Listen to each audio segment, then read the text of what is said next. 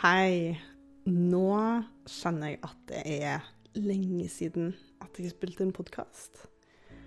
Og det som er litt digg i år, til forskjell fra i fjor, hvor jeg tilfeldigvis òg hadde en pause liksom på høsten, hvor eh, jeg reflekterte litt.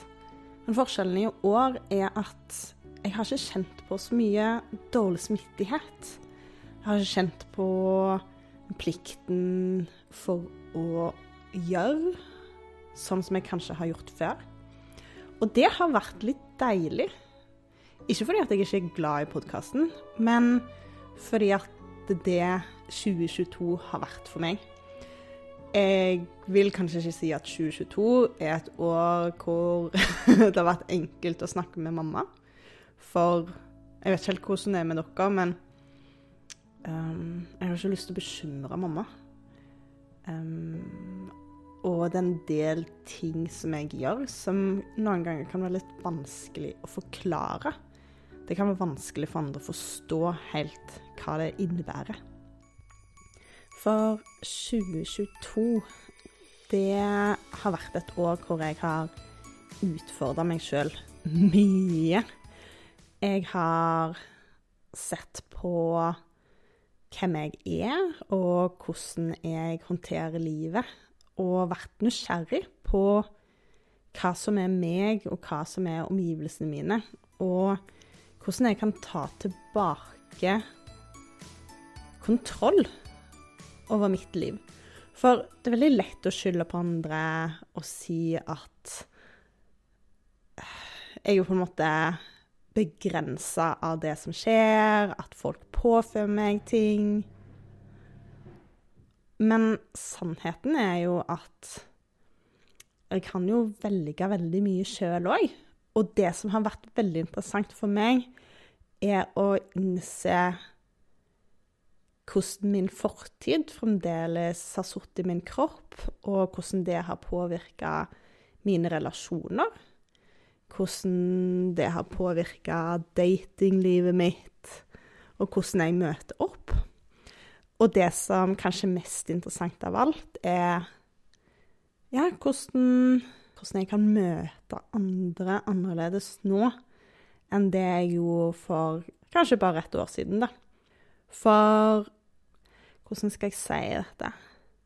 Jeg kan eh, komme med noen eksempler som noen av, eh, jeg har fortalt noen av vennene mine, som har vært veldig interessant. Og det var annet i eh, sommer så eh, innså jeg at jeg kan forvirre meg sjøl. Jeg har alltid elsket intensitet, og òg i datinglivet. Og når jeg skal gjøre ting, så kan jeg liksom bli litt revet med. Og bare være sånn Åh, dette er jo helt fantastisk. Og denne mannen er jo bare helt fantastisk. Og det må jo være drømmemannen. og Og så har jeg nok vært litt sånn smågal, hoppet i det, og bare vært veldig optimistisk. Og, og det starten på relasjonen har alltid vært sånn, skikkelig sånn drømmende. Bare Å, så deilig. Men det jeg har funnet ut, at jeg lurer på om jeg har blitt litt avhengig av denne følelsen av den starten og det som er intenst. For når jeg tenker meg om, så tror jeg ikke egentlig at det fantes. Jeg tror i starten av relasjonene så har det føltes utrolig bra. Men i realiteten så er det ingen av oss som egentlig har vært sånn. Og så plutselig har jeg vært i en relasjon med en mann hvor han ble sammen med meg for den jeg var da, som jeg egentlig ikke var, og, eller er. Og, og, jeg ble sammen med han for det jeg så i starten, og det vi var sammen. Men sannheten var nok at det var ikke virkelighet, da. Og hvordan dette her nok kan farge mye i livet, at vi går rundt, og kanskje jeg Det er sikkert mange som kjenner seg igjen òg, men at, at jeg tror på den fortellingen som blir fortalt om det er en arbeidsgiver som, som forteller om, om, en jobb, om det er noen som forteller om et arrangement, en ferie, en relasjon, så, så skaper jeg meg en drøm og en fantasi om at åh, når jeg får det, så åh, da blir det bra. Og så møter jeg denne mannen, og så bare sånn Wow, han er unik, og han er fantastisk, og han er noe helt annet enn noen, noen ting annet. Og så egentlig så, så stemmer det ikke helt. Så det jeg har eh, funnet ut, er at det går an å Jeg vet ikke helt om det gjelder for alle, men at det kan være fint å definere litt ulike typer relasjoner. Sånn som jeg definerte det, da, var f.eks. med at jeg møter noen som jeg får denne her intense opplevelsen med. Men det som er realiteten med det, er at jeg elsker å ha en samtale med dem. Hvis det er en heit mann, så kanskje jeg har lyst til å hooke opp med han. Men jeg har kanskje ikke egentlig lyst til å henge med disse personene utover det. Så mannen i mitt liv, og òg de personene jeg ønsker å være venner med, det er nok mer personer som jeg kan være med og snakke med og gjøre alt mulig med, som jeg føler meg trygg med, når jeg er 100 meg sjøl. Når jeg er sliten og lei meg, og når jeg er i godt humør og dårlig humør og alt. Og det er to ulike relasjoner og to ulike behov. Og da demrer det en del ting for meg med tanke på hvordan jeg kan velge i livet. Og ikke bare det, men òg når jeg er i relasjoner og jeg møter et menneske som jeg syns er fascinerende, og som jeg blir litt oppslukt i, så kan jeg òg skille mellom hva som er kjærlighet, og hva som bare er en interesse i F.eks. at jeg bare Wow, for en flott og vakker mann! Og så skjer det noe kjemisk inni meg som gjør at jeg blir tiltrukket av, meg, av han. Og så kan det jo være at instinktivt så får jeg lyst til å ha sex med han begrunnet av at det er sånn våre kropper funker. Men at jeg da klarer å skille at å ja, men det er kanskje ikke så rart, for at han er dødsdigg. Og mannen min Jeg syns jo han òg er veldig kjekk, men han er ikke like spennende nå. Men det som er med mannen min, er at han ønsker jeg å være med hele tiden. Eller at jeg møter en mann som jeg har en felles interesse med. Og når vi snakker om det, så bare føles det jo så utrolig fint. Så før har jeg nok unngått sånne type ting. Blitt litt sånn redd og bare sånn Oi, men jeg vil ikke være utro med mannen min. Eller jeg vil jo ikke liksom stå i fare for å plutselig trå feil. Men det som er at det er kanskje ikke så skummelt. Kanskje det er helt greit å være tiltrukket av noen andre. Kanskje det er helt greit å ha disse intense samtalene med noen andre, men klare å skille at det er ikke dermed sagt at du har lyst til å utro, det er ikke dermed sagt at du har følelser for denne personen. Du bare har en fascinasjon. Og er ikke det litt fint at vi har ulike fascinasjoner og relasjoner som betyr forskjellige ting? Jeg syns iallfall at dette var veldig befriende, fordi at det er nok noe som jeg har kjent på sjøl i relasjoner. At, at, jeg var veldig redd for, da, og, for hva det betyr. Og redd for hva disse tankene har betydd. Hvis jeg plutselig har jeg syns en mann er vakker, da, og, og, så plutselig har vi en interessant samtale òg, og så bare sånn ah, Hva betyr dette? Men det som var interessant for meg når jeg innså dette, var at jeg var på en festival, og så møtte jeg en mann som jeg flørta litt med, men jeg hadde bestemt meg for at det ikke skulle være noe romantisk med noen um, på en stund.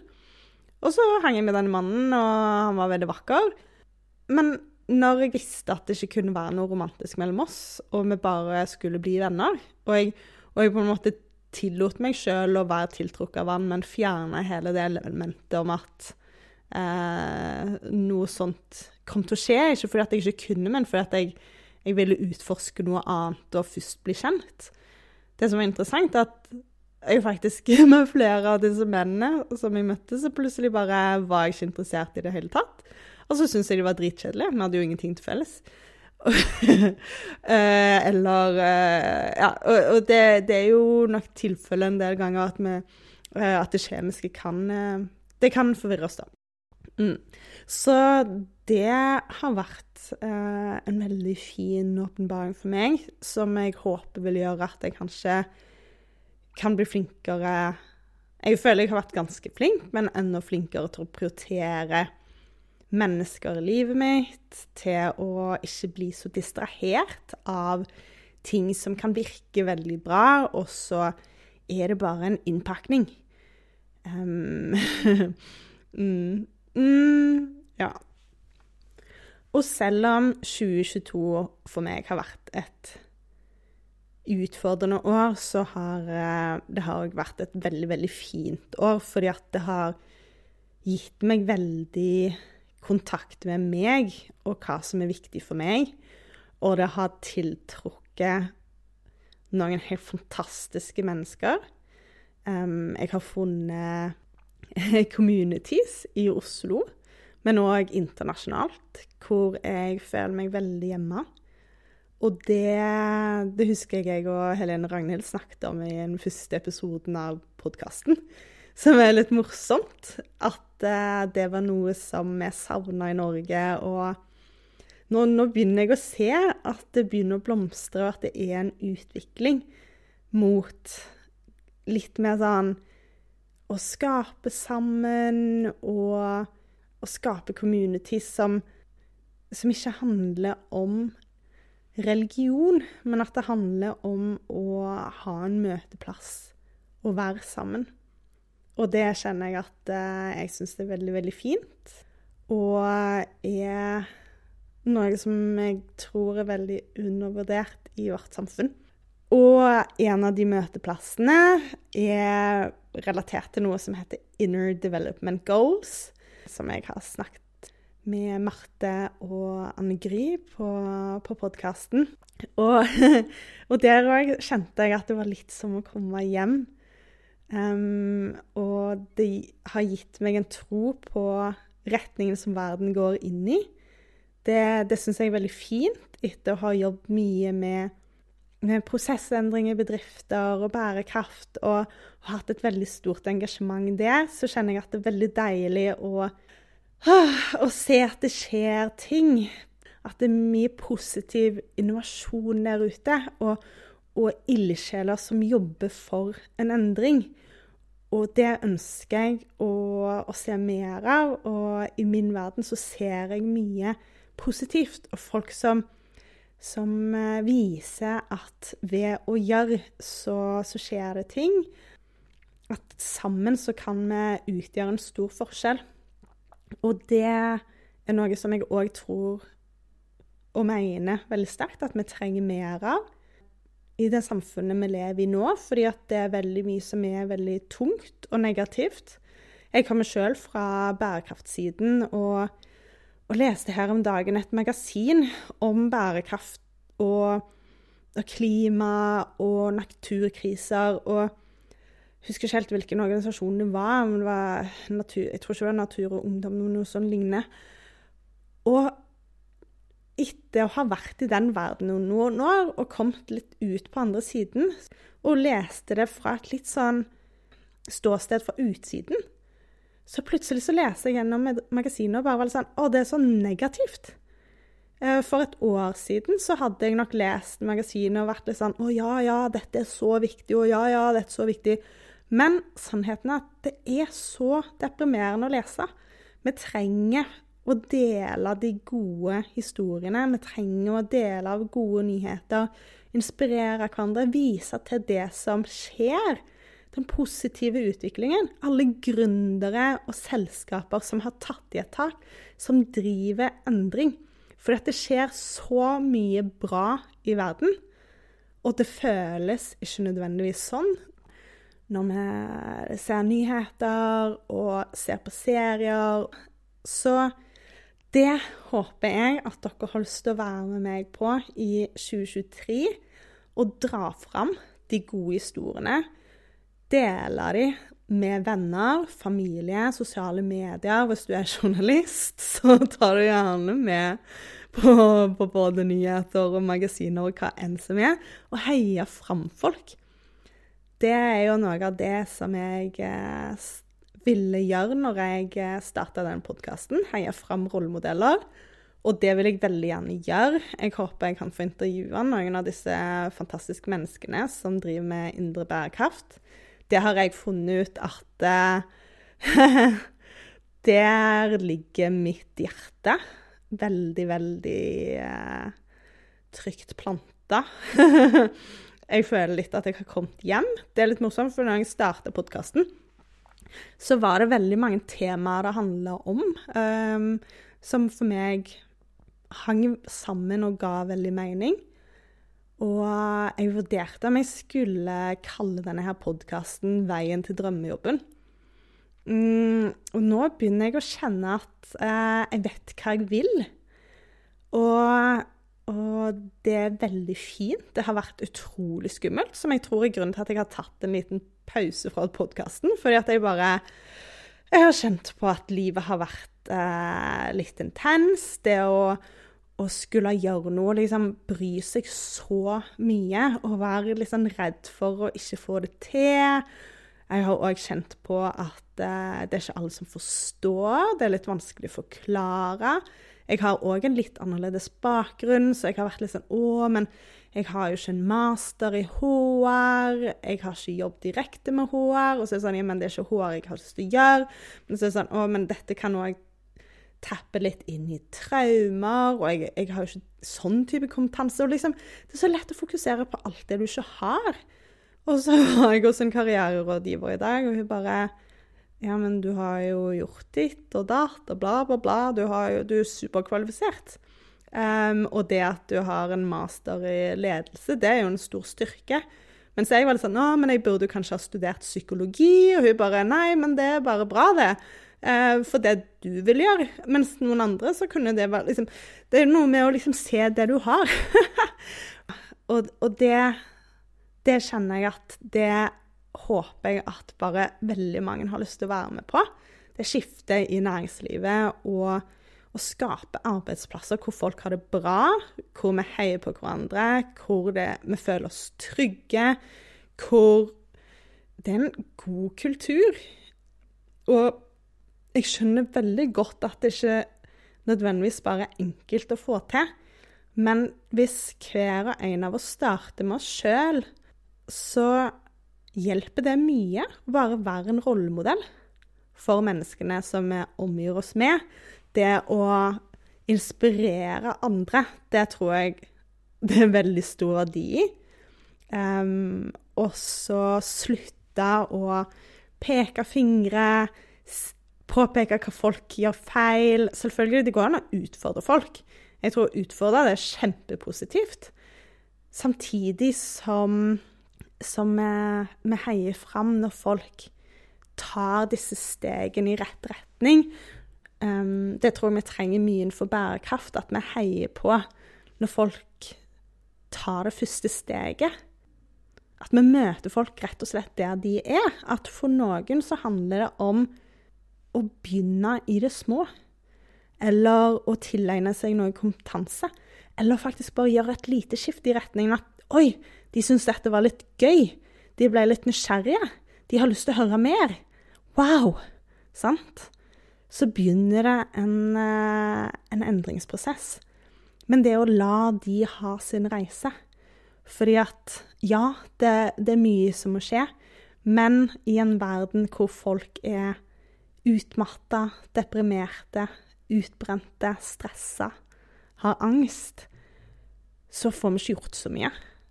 Og derfor så trenger vi heiing, og vi trenger å hjelpe hverandre med å styrke vår mentale kapasitet og vår mentale helse mer enn noen ting annet. Og når vi får til det, da kan vi få til òg veldig, veldig mye mer.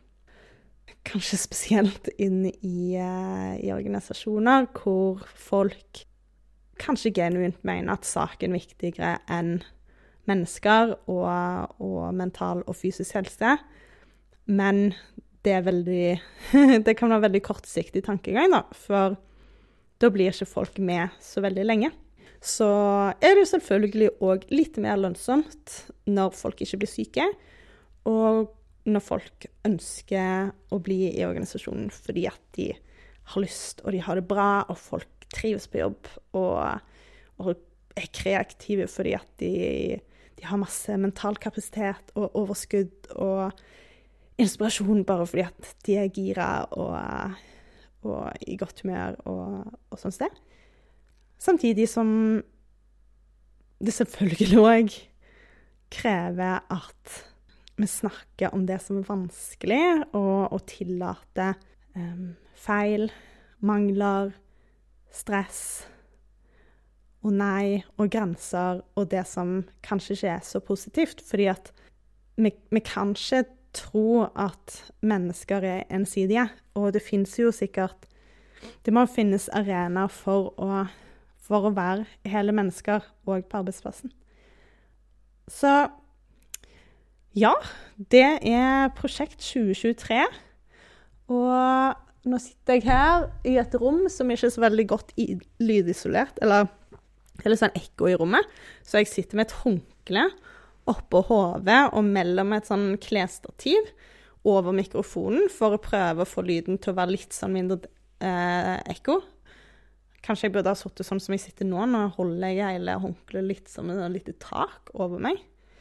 Det gjelder å være kreativ og, og, se løsninger som finnes rundt, finnes rundt oss.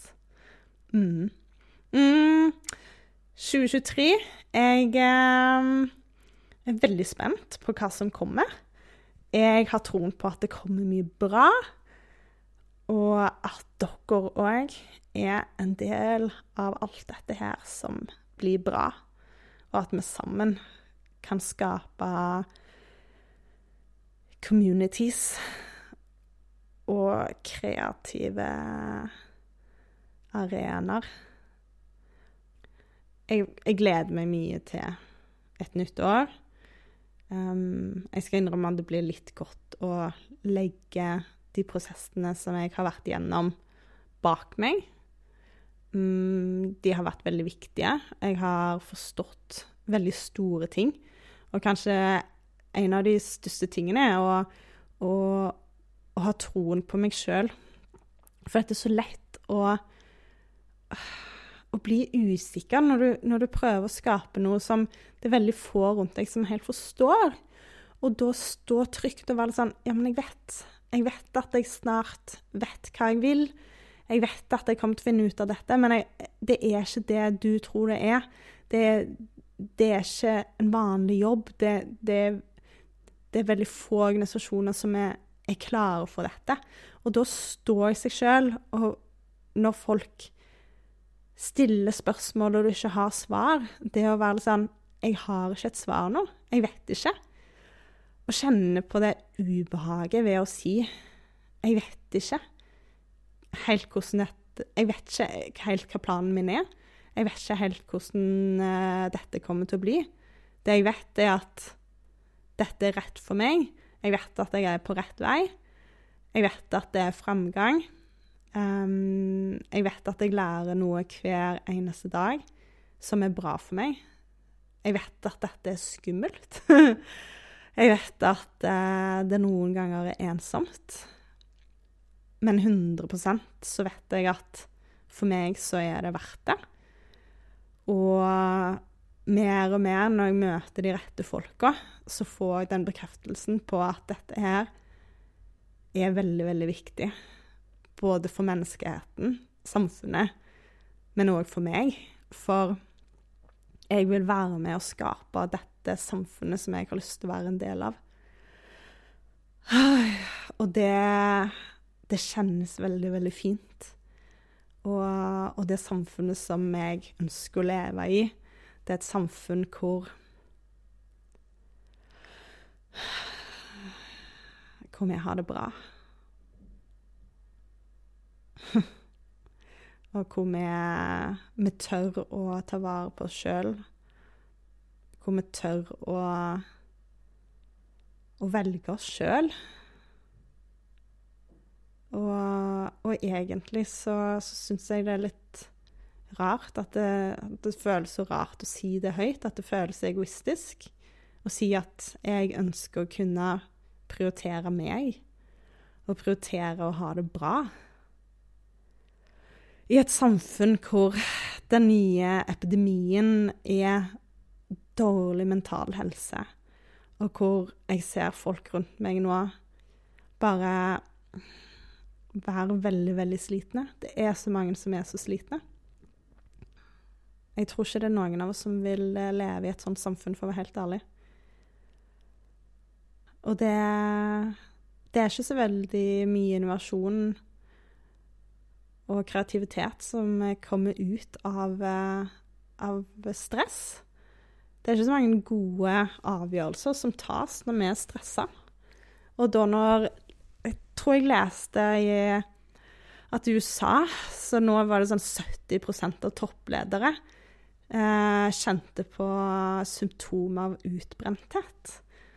Og dette er mennesker som skal ta viktige avgjørelser. Og jeg, jeg skjønner at det er liksom som leder at det, at det er krevende, og at det er mye. Men hvordan kan vi da bygge bedrifter hvor òg ledere kan få lov til å være mennesker. Hvor ledere har mental kapasitet til å til å ta inn informasjon, til å lytte, og til å til å ta kanskje litt sånn krevende avgjørelser. Fordi at skal du ta en avgjørelse som krever endring, så så trenger du vel kanskje litt sånn mentalt overskudd for å, å takle og tenke at å, dette her klarer vi. For å, å, se forskjellen på hva som er feil, og hva som er litt skummelt, f.eks. Innenfor innovasjon. Og, og, kreative ideer for, som kommer fra de ansatte. Da. Så tenk da når en ansatt som faktisk fant mental kapasitet til å være kreativ, møter en leder som er stressa hvordan møter den lederen opp? Er den da mottakelig for disse ideene, eller er det bare slitsomt? Fordi at de, de, de orker ikke.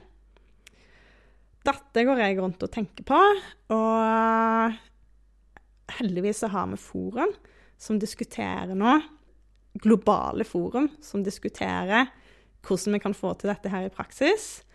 Og det er spådd at i løpet av de neste årene så kommer dette til å ta over næringslivet, og jeg tror um, Var det EU eller FN?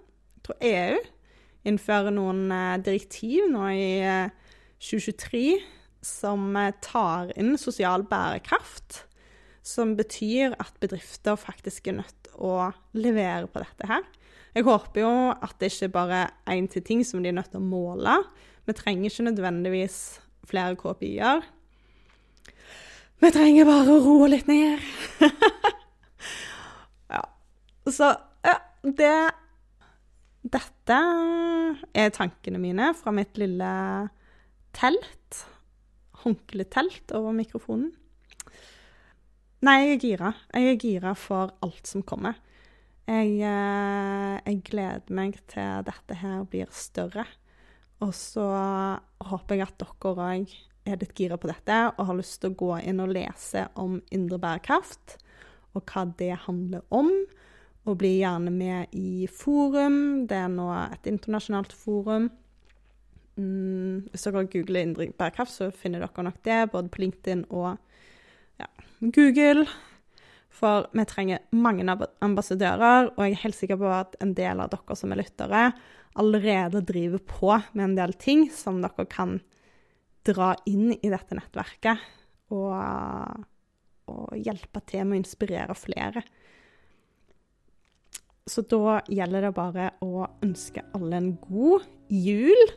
Husk at det er greit å justere forventninger til både jul og nyttår.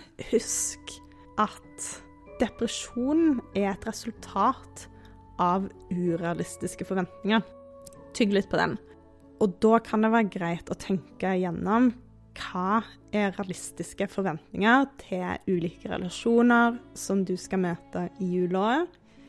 Hva er realistiske forventninger til julaften? Hva type samtaler kan du ha med ulike mennesker?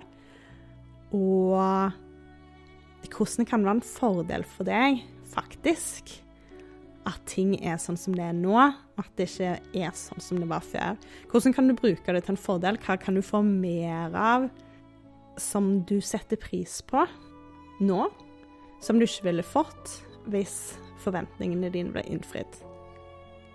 Og hvordan kan du skape en jul som gjør at du finner energi, at du klarer å balansere deg sjøl, og at du klarer å sette pris på de tingene som faktisk er, istedenfor fantasien som du hadde ønsket at eksisterte. Det har vært en tidvis krevende reise for meg å, å gå inn i, men eh, det har vært veldig sterkt å gjøre dette i mange uh, ulike arenaer av livet mitt. Og å sette pris på det som er. Og gå på noen detoxer. For uh, det er noen ting som jeg nok har tiltrukket, som jeg har funnet at kanskje jeg har tiltrukket og vært litt avhengig av, av feil grunner. Sånn er det. ha en god jul og et godt nyttår, og så snakkes vi til den perfekte tid og sted. Ha det bra.